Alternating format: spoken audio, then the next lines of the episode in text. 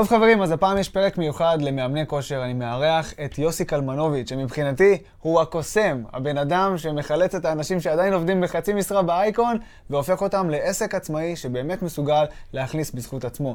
יוסי, מה קורה? מעולה, טוב לפגוש אותך, טוב להיות כאן. אה, בואו נקווה שנוכל לעזור לכמה שיותר מאמנים. יאללה, שוט. אז אה, קודם כל, אני רוצה שנייה לשמוע מהמילים שלך, שכולם יבינו, מה בדיוק אתה עושה עכשיו? אה, אז בגדול, אנחנו עובדים בכמה רמות. יש לנו את המסלולי ליווי הבסיסיים שלנו, שזה בדיוק כמו שאמרת, לקחת מאמנים שהם בתחילת הדרך, יכול להיות שהם עדיין שכירים, יכול להיות שהם כבר לא שכירים, אבל איפשהו מרגישים שמשהו בחיים העצמאיים שלהם תקוע, והם לא יודעים מה לעשות, אז יש לנו בשבילם תוכניות מאוד מאוד... אה, בסיסיות ומוגדרות, שפשוט תעשו את זה, תקבלו את התוצאה הזאת, וזה עובד מעולה.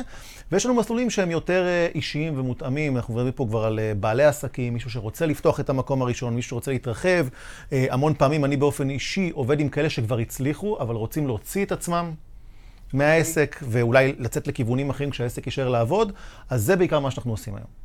וואלה, מה זה אומר להוציא את עצמם מהעסק? בואו בוא נתעכב על זה רגע. תראה, בתחום הכושר במיוחד, ואני מתרשם גם שבעוד מקומות, אבל יש את התופעה הזאת של אף אחד לא יעשה את זה כמוני. אף אחד לא יאמן כמוני את הקבוצות שלי, אף אחד לא ימכור כמוני את השירות שלי, אף אחד לא ידבר כמוני בטלפון, ובגדול הם צודקים.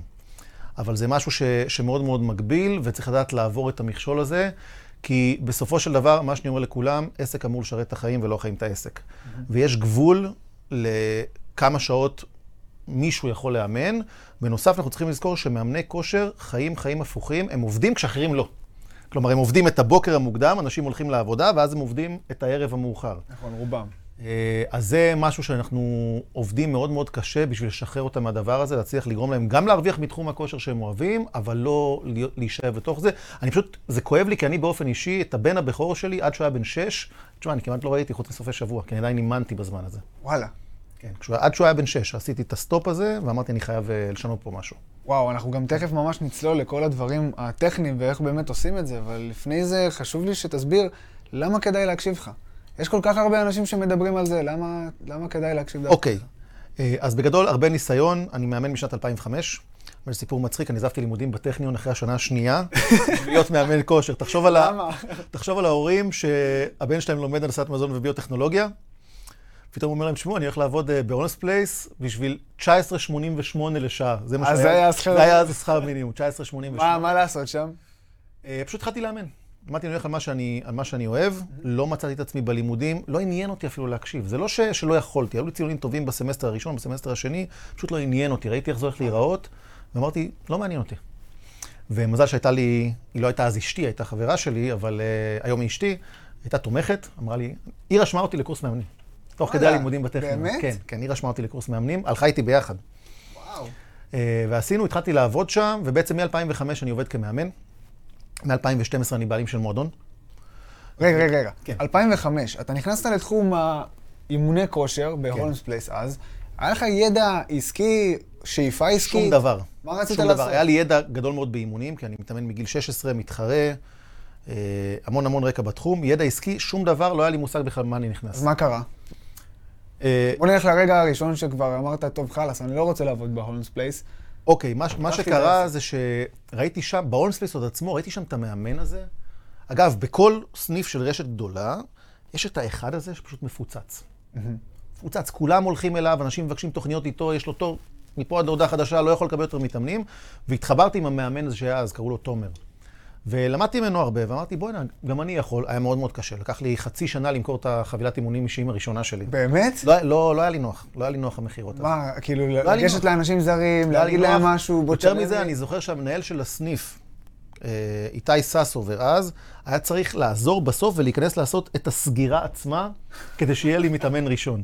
אני, אני זוכר את הקטע, את הקטע הזה, אה, אבל משהו שם, אה, משהו שם עבד, אני הבנתי את העניין, ראיתי איך זה עובד. ופשוט התחלתי, אני מאוד מאוד אוהב לחקור מה עשיתי, מה היה שם, המוח שלי עובד מאוד מאוד סכמטי. Mm-hmm. מה היה שם? היה 1, 2, 3, 4, בואו נעשה את זה שוב. זה אגב למדתי מהאימונים, עבד לי משהו, אני משאיר אותו. כן. ופשוט חזרתי על התהליכים האלה, ואמצע שנת 2006, אני fully booked באימונים אישיים, כלומר, אה, שנה מהיום הזה שמכרתי את המתאמן הראשון, ואז יצאתי לדרך עצמאית. ו... שם עוד פעם גיליתי את המכשול הזה, כי מה שהולמס עשה, הוא נתן לי יכולת למכור אימונים אישיים, אבל בתכלס הוא הביא לי את המתאמנים למקום. Mm, כלומר, מה שקורה כשאתה עובד ברשת גדולה, ומאמנים לא חושבים על זה, הם חושבים שזה קל, אתה נחשף כל יום ל-300-400 אנשים נכון. כשאתה עובד בזה. אז אתה חושב שאנשים פשוט יהיו שם תמיד. ואז אתה יוצא, אתה אומר, אוקיי, אני יודע למכור אימונים אישיים, אבל אתה לא יודע להביא אותם. אתה לא יודע לגרום להם לפנות אליך. אז זה עוד פעם מכשול של שנתיים, שלוש. איבדתי אגב 50% מהמתאמנים, כאילו 50% נשארו איתי כשיצאתי למסלול העצמאי, 50% עזבו, כי היה להם פחות נוח. זה אגב גרם לי אה, להבין שאנחנו תמיד אה, חוש... נותנים לעצמנו חשיבות יותר ממה שאנחנו באמת חשובים לאנשים. אז צריך תמיד לזכור את זה בעסקים. אה, אבל יצאתי, ואז נתקעתי מאוד מאוד קשה בקטע של השיווק. מהמם. צריך לזכור שבתקופה הזאת אין עוד יותר מדי רשתות חברתיות. אז אנחנו מדברים על 2007. 2006, משהו. 2007, כן. בקושי ICQ היה. כן, כן. לא, לא היה שום דבר, ואז אתה ישר נכנס למסלול הזה של אוקיי, אני, אני אבנה אתר. היה כל מיני פלטפורמות של בניית אתרים, ניסיתי, כמובן שאף אחד לא מגיע אליו, כי איך תביא אנשים לאתר? לא ידעתי שום דבר, ואתה חי אשכרה מהפניות. אה, והמזל שהיה לי זה שהיה את המועדון שאני התאמנתי בו, מועדון שכונתי, אז כשהייתי מתאמן שם, הייתי עוד ניגש לאנשים ויוצר שם אינטראקציות, ומצליח למכור להם אימונים אישיים לפחות תוך כדי, ואז היה לי הסכם עם הבעלים של המקום. אז זה לפחות היה טוב. אה, וככה פשוט התפתחתי, ואני יכול להגיד שבנושא השיווקי, זה לא השתנה עד, אני חושב, אזור 2014. אז מה היה הרגע שבו הבנת, אוקיי, יש לי כבר שבע שנים שאני מאמן עצמאי, פחות או יותר. איך פתאום לומדים את זה? מה... מה... אז- אז זה אני, סיפור- אני תמיד קורא לזה תאונה רגשית. זה רגע אחד שבום, הכל משתנה. אז מה זה תאונה רגשית? כי יש איזה שלב שהחסרתי בדרך. מה שקרה זה שאני הייתי תוך כדי התקופה הזאת גם התחרתי ב powerlifting, הרמות כוח, אוקיי. אה, ברמה של אליפויות עולם. ומה שראיתי זה שכל פעם שאני נוסע לתחרות כמאמן אישי, אה, אין, אין כסף, אני לא מאמן. מהמם. כל פעם שהייתי חולה למשל, וזה קרה לי הרבה בתקופה הזאת, כי יש לי גם אה, קרון, אה, אוקיי. אז הרבה פעמים אני מושבת, אין כסף. כאילו, אין אה, זה. אמרתי שאני חייב לעשות איזשהו משהו, ובמקרה המועדון שאני אימנתי בו את האימונים האישיים וגם הייתי מתאמן בו, הבעלים רצה למכור. מהמם. רצה למכור. אז אני משכנתי את הבית שהיה לי, וקניתי את המועדון. לקחתי אפילו עוד הלוואות חוץ מזה, וקניתי את המועדון. דיעבד, לא ידעתי מה אני עושה, הייתה עסקה... בוא, בוא נגיד, אני, אני חושב ששילמתי בערך 300 אלף שקל יותר ממה שהמקום היה שווה באמת. וואו. כן, כן. מאיפה הביצים? אה, אני, אני אגיד לזכותי, הרבה דברים לא ידעתי, אבל זה איפשהו תמיד היה לי, ועם התמיכה מהבית של אה, אשתי, תמיד היה לי את היכולת לקפוץ. תמיד. אני רואה פה ניואנס שתמיד חוזר. זה תמיד חוזר, תמיד, חד משמעית. חד אה, משמעית. היא אגב איתי היום בעסק גם. וואלה. כן. קניתי את המקום, ואם לא היה לי מושג מה אני עושה בנושא של שיווק, חשבתי שבגלל שאני מאמן טוב, אני אדע לנהל מועדון כושר. לא קרוב אפילו. מצאתי את עצמי שלוש שנים, שבדיעבד אני מבין שזה היה סבל. סבל, כי אני עבדתי יותר ממה שעבדתי כמאמן אישי, הרווחתי פחות ממה שהרווחתי כמאמן אישי, כשיש לי מועדון משלי. אני עושה, חצי מהזמן, אני בעצמי מעביר את המשמרות. אתה יודע, חזרתי להתחלה במועדון שלי, אני עושה את השיחות מכירה, אני עושה את החידושים, והרווחתי פחות ממה שהרווחתי קודם, גם בגלל ההלוואות וגם בגלל שלא ידעתי מה אני עושה. ואז ב-2015 הגיעה איזושהי נקודה, הייתי צריך לעבור ניתוח בירך. אוקיי. אני נכנס לניתוח, אני חודש וחצי לא יכול לעמוד, זה אומר, אני, אין משמרות במכון, אני לא יכול להעביר את האימונים האישיים שלי, אין מי שיעשה את המכירות במקום, כי אני עושה אותם, ובמקביל, היו לי שני מאמנים שעזרו לי אז והעבירו את המשמרות שאני לא עשיתי, הם היו צריכים לעבוד יותר, כלומר המשכורות עלו. מהמם. ויש את הנקודה הזאת שאתה יושב, ואתה אשכרה מתחיל לפקפק אם בחודש הבא יהיה לך איך לשלם על דברים. כאילו, אין. המסגרות נגמרו לגמרי, וזה זה הרגע הזה. זה הרגע הזה שאתה אומר לעצמך, לא משנה מה, בחיים אני לא חוזר לכאן. לא חוזר למצב הזה. רוק בוטום. אני לא, אני לא מתאושש מהמצב הזה וממשיך, אני לא חוזר בחיים למצב הזה, וזה הרגע, זה רגע שהוא קשה מאוד, אבל זה רגע שהאגו יורד לגמרי. אין לך מה להפסיד. ואז מה קורה? ואז מה שקורה זה שאני לוקח הלוואה דרך ההורים שלי שהם עובדי מדינה, אז היה להם בבנק יהב כל מיני תנאים, כי אני כבר לא יכולתי לקחת הלוואות בעצמי. אתה חסום כבר, זהו. לא יכולתי. לא רוצים לשמוע את אה, השם לא, לא. אין- לי- בכלל מה זה, כאילו, אתה יודע, אני חורג מהמסגרת, אני כבר עם הלוואות, אין אין איך לקבל. אז אני לוקח הלוואה דרך ההורים שלי, אני משלם למאמנים, כי לא היה לי אפילו איך לשלם להם, למי שעשה את המשמרות בזמן שהייתי בניתוח, ועם מעט כסף שנשאר, אני נרשם לקבוצה, אני לא יודע אם אתה מכיר אותו, יש בחור שנקרא בדרוס קוליאן. בדרוס קוליאן הוא המייסד של ה franchise Fit Body Boot Camp, יש להם איזה אלפיים סניפים בכל העולם של סטודיואים, ובמקביל הוא עובד עם המון, עבד אז עם המון אה, מאמני כושר ובעלי עסקים, אני פשוט נרשם לקבוצה שלו. מתחיל לקבל ממנו הרצאות ב live, אפילו טס לפגוש אותו בכל מיני סדנאות, ואתה יודע, האגו הזה של אני פשוט עושה מה שהוא אומר לי. אני עושה מה שהוא אומר לי. ולא הכל עבד, כי הקהל הישראלי שונה מהקהל האמריקאי, אבל יש כן. דברים שעבדו. יש דברים שעבדו. אמר לי, תפתח את הקבוצה הזאת, תוריד את האימונים של הקבוצות לחצי שעה ולא לשעה כדי לשפר רווחיות במקום מוגבל. אה, תעשה את המסלולים האלה במודעות שלך, תמכור קודם כל את המסלול הזה ותמיר אותם. ואתה יודע, המון המון דברים קטנים. וכשאתה מסתובב עם האנשים האלה, מעבר לזה שאתה לומד את השיטות, אתה גם לומד איך הראש שלהם עובד. אתה רואה את ה... אתה- איך הוא מנתח... את ה mindset, כאילו. בדיוק, אתה רואה, אתה רואה איך, איך הוא הולך, איך הוא חושב, איך הוא מנתח מצבים.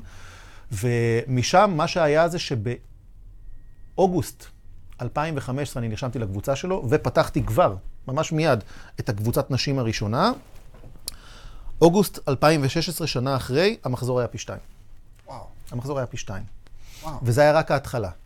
ואוגוסט 2017 הוא היה כמעט פי שלוש מהשנה הראשונה. לא, לא, לא שילשנו, אבל כמעט היה פי שלוש. ומשם בעצם המון המון דברים התפתחו, למדתי המון דברים, ואני כל הזמן ממשיך ללמוד. אה, אבל ה- ה- אני חושב שהשנתיים האלה זה המשבר הזה לעלייה, שפתאום פותח לך את הראש. ואני תמיד אומר למאמנים, כשאני מספר להם את הסיפור, אני אומר להם, תחשבו על זה. המיקום של המועדון לא השתנה. הקהל שלי לא השתנה, התחרות לא פחתה. צצו אפילו יותר מקומות לידי. כן. הרגולציה לא השתנתה, אותם מיסים אפילו יותר, יותר גרוע, אבל המקום גדל כמעט פי שלוש. מה השתנה? זה פרסונה, מי ש- מי שמפעיל את העניינים. כן, אז זה, זה היה הצעד. ואז אה, לקראת סוף 2016, כמה מאמנים התחילו לשאול אותי, כי הם ראו את השינוי, במיוחד מאמנים באזור, אמרו לי, תגיד לי, מה עשית? ושאלו אותי את זה הרבה, מה, מה הולך כאן? אז אמרתי, הייתם רוצים שאני אעשה לכם סדנה? אמרו לי, כן. קבעתי סדנה של שש שעות, הזמנתי בעצמי מאמנים שאני מכיר, בלי פרסום, בלי שום דבר. רציתי לראות בכלל אם יש פה את, ה... את ההיתכנות. והגיעו 20 מאמנים. עשיתי להם גם משהו מסודר עם ארוחת צהריים כזה, ממש משהו יפה, צילמנו הכל, ואני רואה שהם יושבים ככה כל השש שעות ואומרים לי, תקשיב, בחיים לא שמענו את זה. וואלה. לא שמענו את זה, אנחנו, והם גם מאמנים ותיקים, זה מאמנים שאני הכרתי, לא חבר'ה שהתחילו עכשיו, והם יושבים ככה, ואני הבנתי ב-2016, יש פה משהו. יש פה משהו, ו, ומשם התחלתי לרוץ, הנושא הזה של הייעוץ. וואו. והעובדה שאני גם מייעץ מאז, וכל מי שנכנס למסלול שלנו, הדבר הראשון שהוא מקבל זה דוח אקסל עם כל הנתונים. מהמם. זה אומר שבכל חודש אני עובר על, אני והיועצים שלי, בוא נגיד, זה כמעט 100 עסקים. וואלה. אנחנו מנתחים את הנתונים של הכל. אנחנו יכולים לראות מה עובד, איזה פרסומים עובדים, איזה פרסומים לא עובדים לנו, איזה נהלי מכירה. כדאי לקחת בביט בשיחה ראשונה, כדאי לקחת באשראי, מה עובד יותר טוב. אנחנו רואים את זה בצורה מאוד מאוד מהירה, כי הדאטה שלנו מאוד מאוד גדול. כן. אז אם שאלת למה שיפנו, בנוסף לניסיון ולכל התהליך הזה, זה הדאטה. הדאטה ש... אנחנו מנתחים היום דאטה כנראה, כנראה יותר מכל, אה, מכל מישהו אחר שיכול לנתח דאטה ספציפי לתחום הכושר. וואו. אז בעצם אתה אומר שעברת חתיכת דרך של איזה חד משמעית. 12 שנים לפחות, רק כדי להבין באמת איך עושים את זה. כאילו, יש כאן תהליך שהוא כן. מאוד מאוד מאוד ארוך. אני חושב שרוב בעלי העסקים, כשהם נכנסים לעולם העסקי, אין להם מושג שזה הדרך שהם צריכים לעבור. הם די בטוחים שזה, אה, אני אנסה. הם תמיד אומרים, אני אנסה לפתוח את הקטע שלי במקביל לעבודה, ואז נראה אם זה הולך. אם זה צומח, אז זה צומח. בדיוק. ואתה fucking היית שם all in במשך שנים. תגיד, מה לדעתך הבעיה המרכזית של אותם אנשים שבאמת רוצים לפתוח את העסק, או אנשים שמגיעים אליך? מה הדבר המהותי ביותר שהם צריכים לשנות כדי להגיע לאן שהם צריכים? קודם כל זה ביטחון גם בעצמם וגם בשירות. אוקיי, קודם כל. קודם מה כל, זה אומר כאילו? אה, ביטחון בעצמם זה להאמין שהם יוכלו לעבור את המשברים שיבואו, ויבואו משברים. ומה שקורה זה שאם אתה לא מאמין שאתה תוכל לעבור את המשברים, אתה לא תדחוף מספיק חזק לנקודה שיכולה לסכן אותך במשבר, ואז אתה תיתקע. זה הדבר הראשון. הדבר- לדוגמה, כן. הרכישה של המקום הזה שרכשת, כן. כנגד כל הסיכויים עם ההלוואות ועם כל אני, הדברים. אני חייב להגיד שאני גם אופטימי מטבעי, אז אני לא תמיד רואה את המשברים שהולכים לבוא, אז אני בטוח שהכל הולך להיות uh, זה, אבל לאט לאט אתה מבין את זה, אבל כן, לדעת שאתה יכול לקום מלא משנה, לא משנה מה יבוא, ואנחנו כן. יכולים לקום, לא משנה מה שיבוא. כי גם, גם כסף, גם חובות, גם זה, זה, אתה מסתכל על זה בפרספקטיבה של חמש שנים, אז הייתי בטוח שהחיים שלי נגמרים, כן, בגלל כל החובות האלה, אבל זה לא. תמיד יש איך לקום. הדבר השני זה אמונה בשירות. הסיבה שכל כך נוח לי וקל לי לייעץ למאמני כושר, זה כי אני מאמין במאה אחוז שהשירות שלהם הוא השירות הכי חשוב שיש בעולם. למה? הם ורופאי חירום מבחינתי, רופאים שמצילים חיים במקום, כי אני לא רואה עוד שירות שנותן את הערך, אפילו ערך כספי, למי שמקבל אותו. אני לא רואה, כזה, לא, לא רואה עוד שירות כזה. כלומר, מאמני כושר, מאמן כושר שמתחיל לעבוד עם נוער לצורך העניין, mm-hmm. ודואג לזה שהם יהיו מבוגרים פעילים, מחבר אותם לרעיון, עשה פה עבודה שאין סכום שבכלל יכול לכמת את זה. לא משנה מה ישלמו לו בשביל זה, הוא נתן להם יותר. מאמן כושר שדאג שמבוגרים בפנסיה יהיו פעילים לאורך כל הפנסיה וישמרו על הצלילות שלהם, אין סכום שיכול לכמת את זה. אבל אין תרופה שאחר כך אתה יכול להביא איזה ניתוח חירום שיציל בן אדם. אין שום דבר, אז בגלל זה אני כל כך שלם עם, עם, אה, עם לעזור דווקא להם ולדחוף אותם חזק, כי יש להם את השירות, שלפחות בראש שלי, הוא הדבר הכי, הוא השירות הכי חשוב בעולם, בעיניי. אתה אומר שהדבר היחידי שמעכב אותם בהצלחה, זה בעצם האמונה בזה שהם לא מבינים מה השווי שלהם באמת, הם לא באמת מחברים את זה, כן.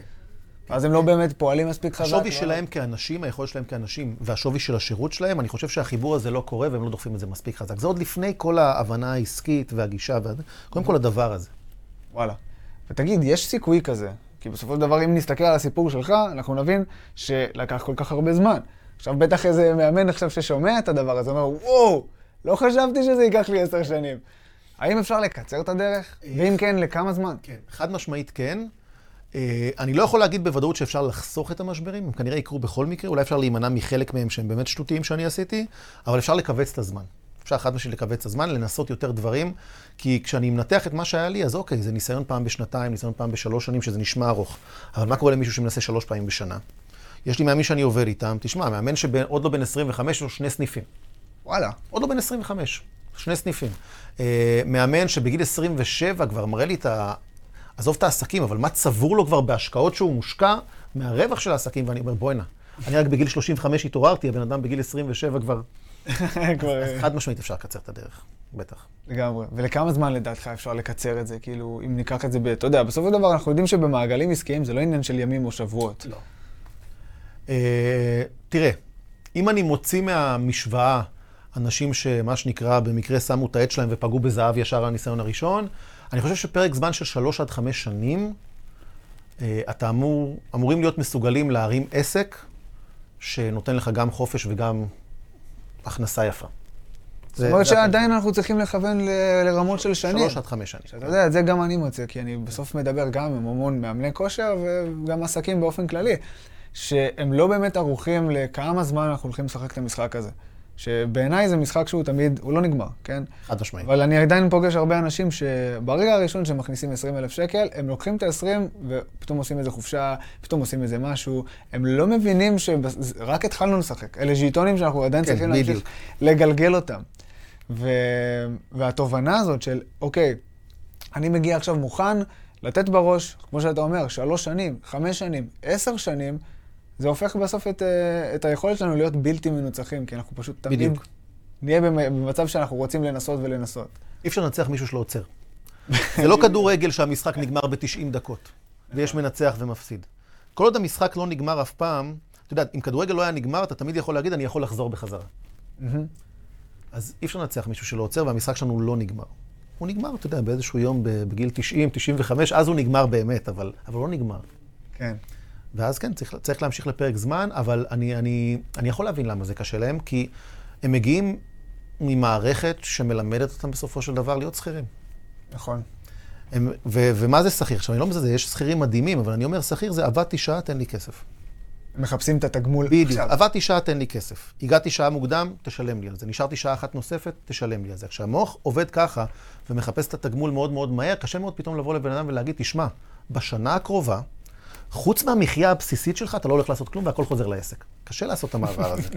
זה מאוד קשה. קשה מאוד, אז... אה, במיוחד שיש את המשפחה שאומרת לך, רגע, אנחנו רואים שאתה מרוויח, מה קורה? למה אתה לא מפרגן לעצמך? או, לא יודע, כל מיני דברים שאתה באמת רוצה לעשות עם עצמך, אבל כאילו, אתה אומר, לא, אני עכשיו חייב לעשות שיפט.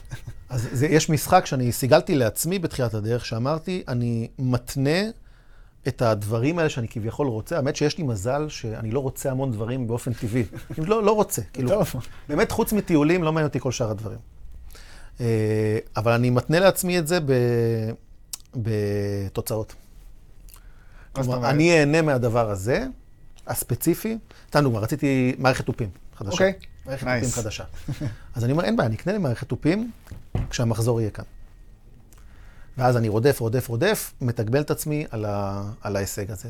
אה, כן, אבל בכללי צריך להמתין. ככל שאפשר לדחות את הפרק זמן שאתה אומר, נו, ומה יוצא לי מזה, אתה כנראה יצא לך מזה יותר בסוף. אני גם תמיד אומר את זה שזה גם ככה עם אה, לקוחות. כלומר, אם אתה עכשיו מגיע לאיזה ליד חדש, לא יודע, מישהו שהוא בפוטנציאל יכול להיות לקוח שלך, רוב האנשים, מה הם רוצים?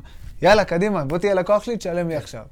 ואני אומר, אוקיי, סבבה, אם אני אדע לתת לו ערך קודם, משהו, ואני אמתין עם, ה... עם ה... לבקש ממנו את הכסף עכשיו, יש סיכוי שזה יגיע אליי בהפוכה ובהרבה יותר. כאילו, יש, וזה קרה לי לא מעט כן. פעמים, שאני אפילו שילמתי ביוזמתי הרבה כסף לפגישות עם אנשים שבסוף גם הפכו להיות לקוחות שלי.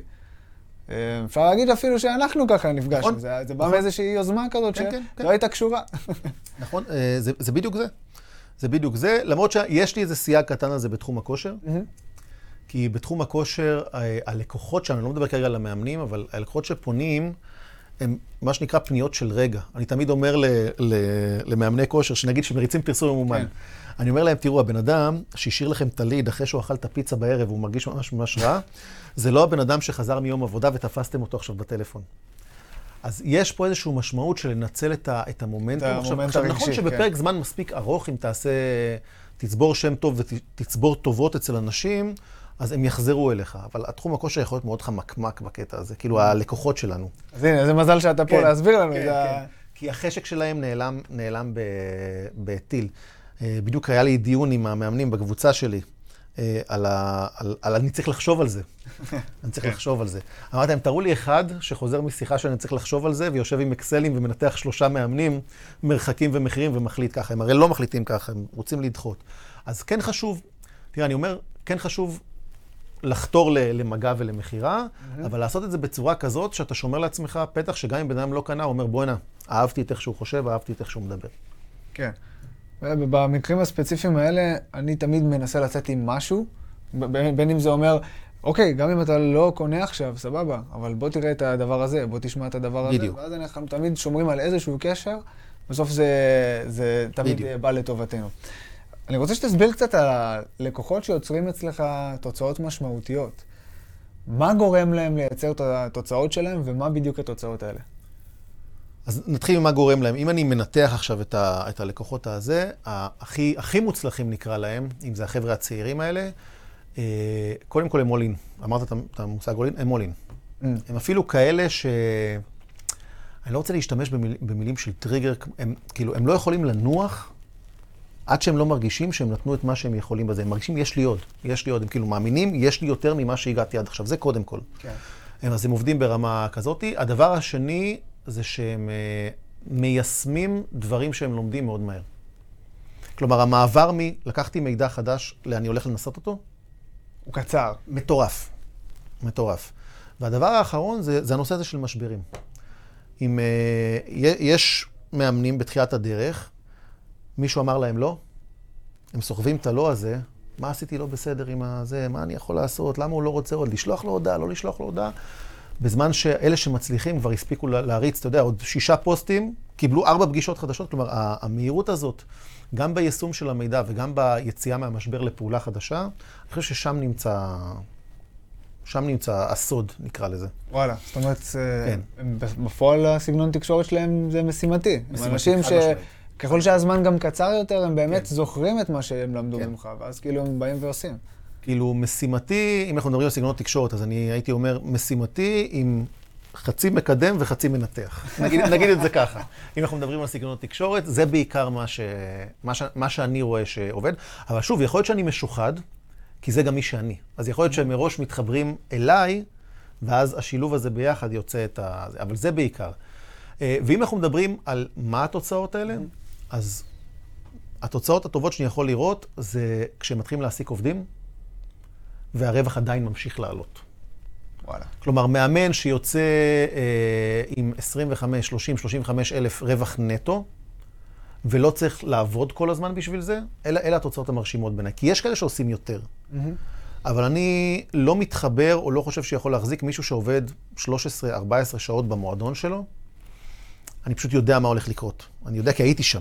הייתי שם, אני יודע מה הולך לקרות. אז גם אם הוא מרוויח יותר, אני לא, לא מסתכל עליו כהצלחה הכי טובה שלי, כי עוד לא הצלחתי לגרום לו לקחת את הזמן בחזרה. אז אנחנו מדברים על חבר'ה שעושים 25, 30, 35 אלף נטו, כשאנשים אחרים עובדים בשבילם. ואז הם פנויים לעשות דברים אחרים.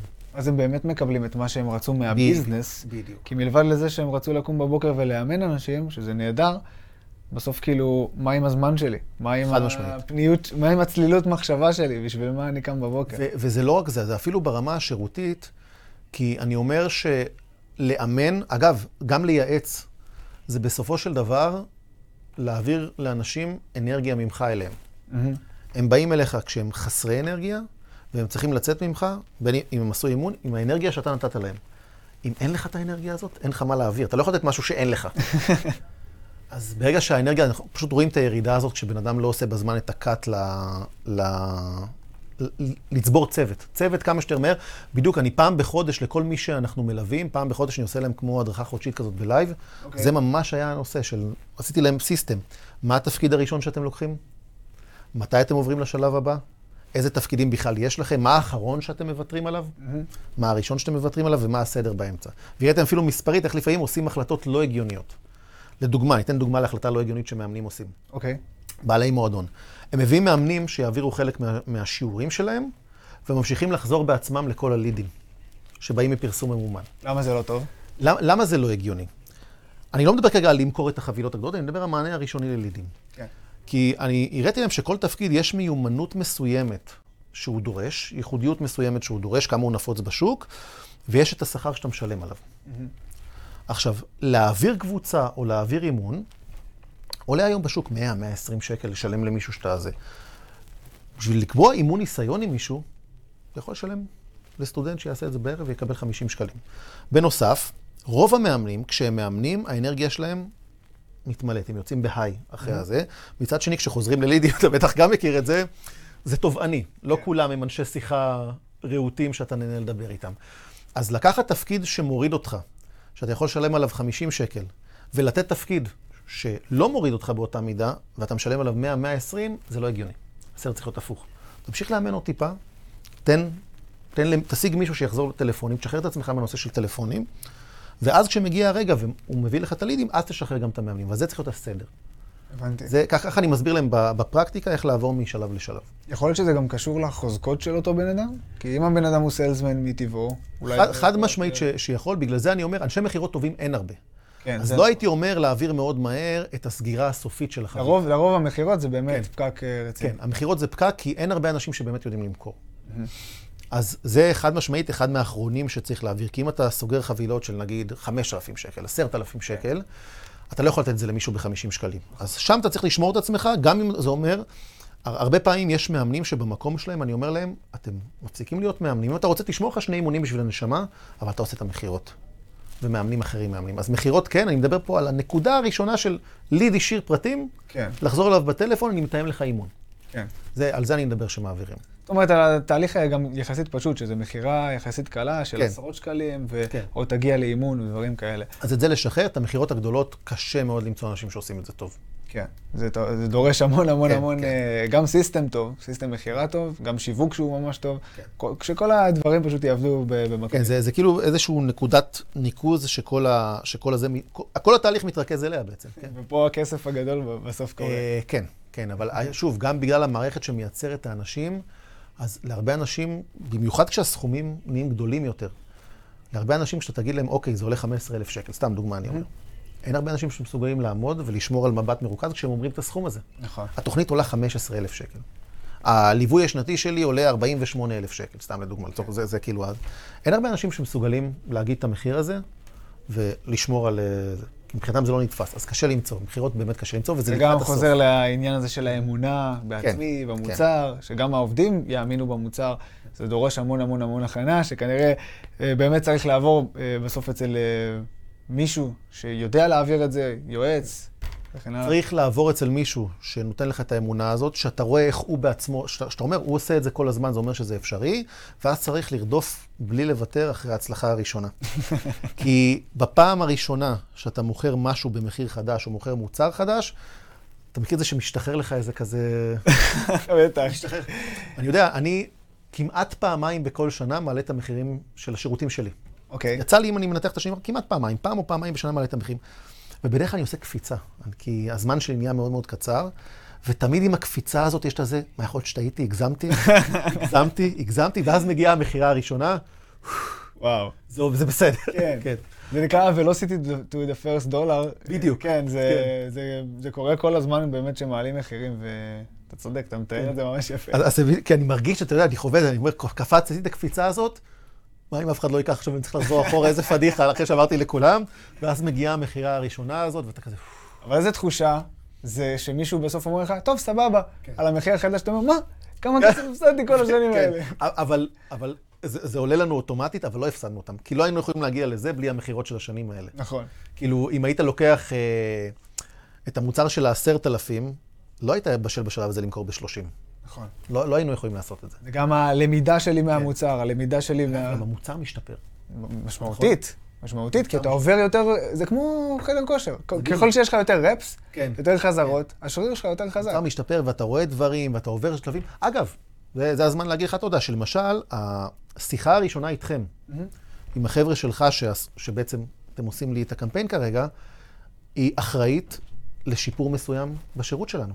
וואלה, חד משמעית. באיזה אופן? במסלול של השמונה שבועות. חבר'ה, אתם לומדים, אתם כן, כן. רואים את זה איתי ביחד. כן, כן, הוא- זה. הוא- זה לא- זה לא מתוכנן, אני אומר את זה מתוכנן, תכלס. כן. מה שקרה זה, אנחנו הרצנו את המסלול של השמונה שבועות, והסדר שלנו במסלול היה מאוד, אה, היה מאוד מובנה, שמאמנים מתחילים והם צריכים קודם כל תוכן אורגני, מחירון, תוכן אורגני, ובסוף, בסוף, בסוף לתת להם כבונוס פרסום ממומן. עכשיו, ישבתי בשיחה איתך וגם עם ה... עם הבחור, אני לא זוכר את השם. נועם. נועם. ישבתי עם נועם, והוא שואל אותי, תגיד לי, מה ההבטחה שלך? מה האחריות שלכם? מה זה? ואז אני מבין, אני חייב לייצר איזושהי הצלחה כמה שיותר מהר. וראיתי באמת איפה אני מאבד אותם, כי תוכן אורגני זה קשה. הוא לא נותן לך פידבק מהיר. מהמם.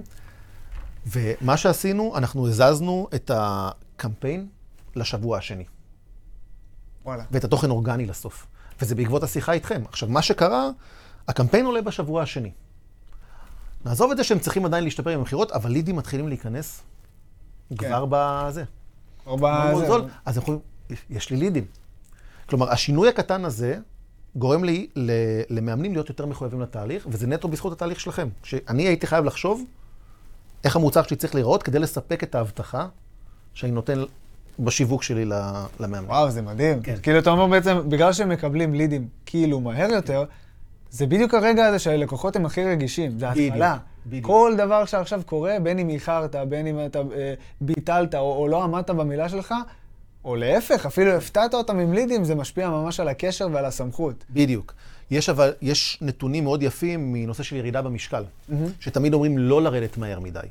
אבל אנחנו כן יכולים לראות שמי שבשבוע, ובשבוע, שבועיים ראשונים ירד יפה, הוא סומך על איש המקצוע שעשה את זה יותר. כי הוא נתן לו הוא- תוצאות ראשונות, ואז איש המקצוע צריך להיות מספיק אחראי לבוא ולהגיד, תשמע, אנחנו לא יכולים להמשיך בקצב הזה הרבה זמן, ראית שאנחנו יכולים לעשות, בוא עכשיו נתאזן עם משהו יותר, וראו שדווקא איזשהו טריגר ראשון, איזושהי אינדיקציה ראשונה, פידבק ראשוני בהתחלה, דווקא שומר את האנשים בתהליך יותר טוב.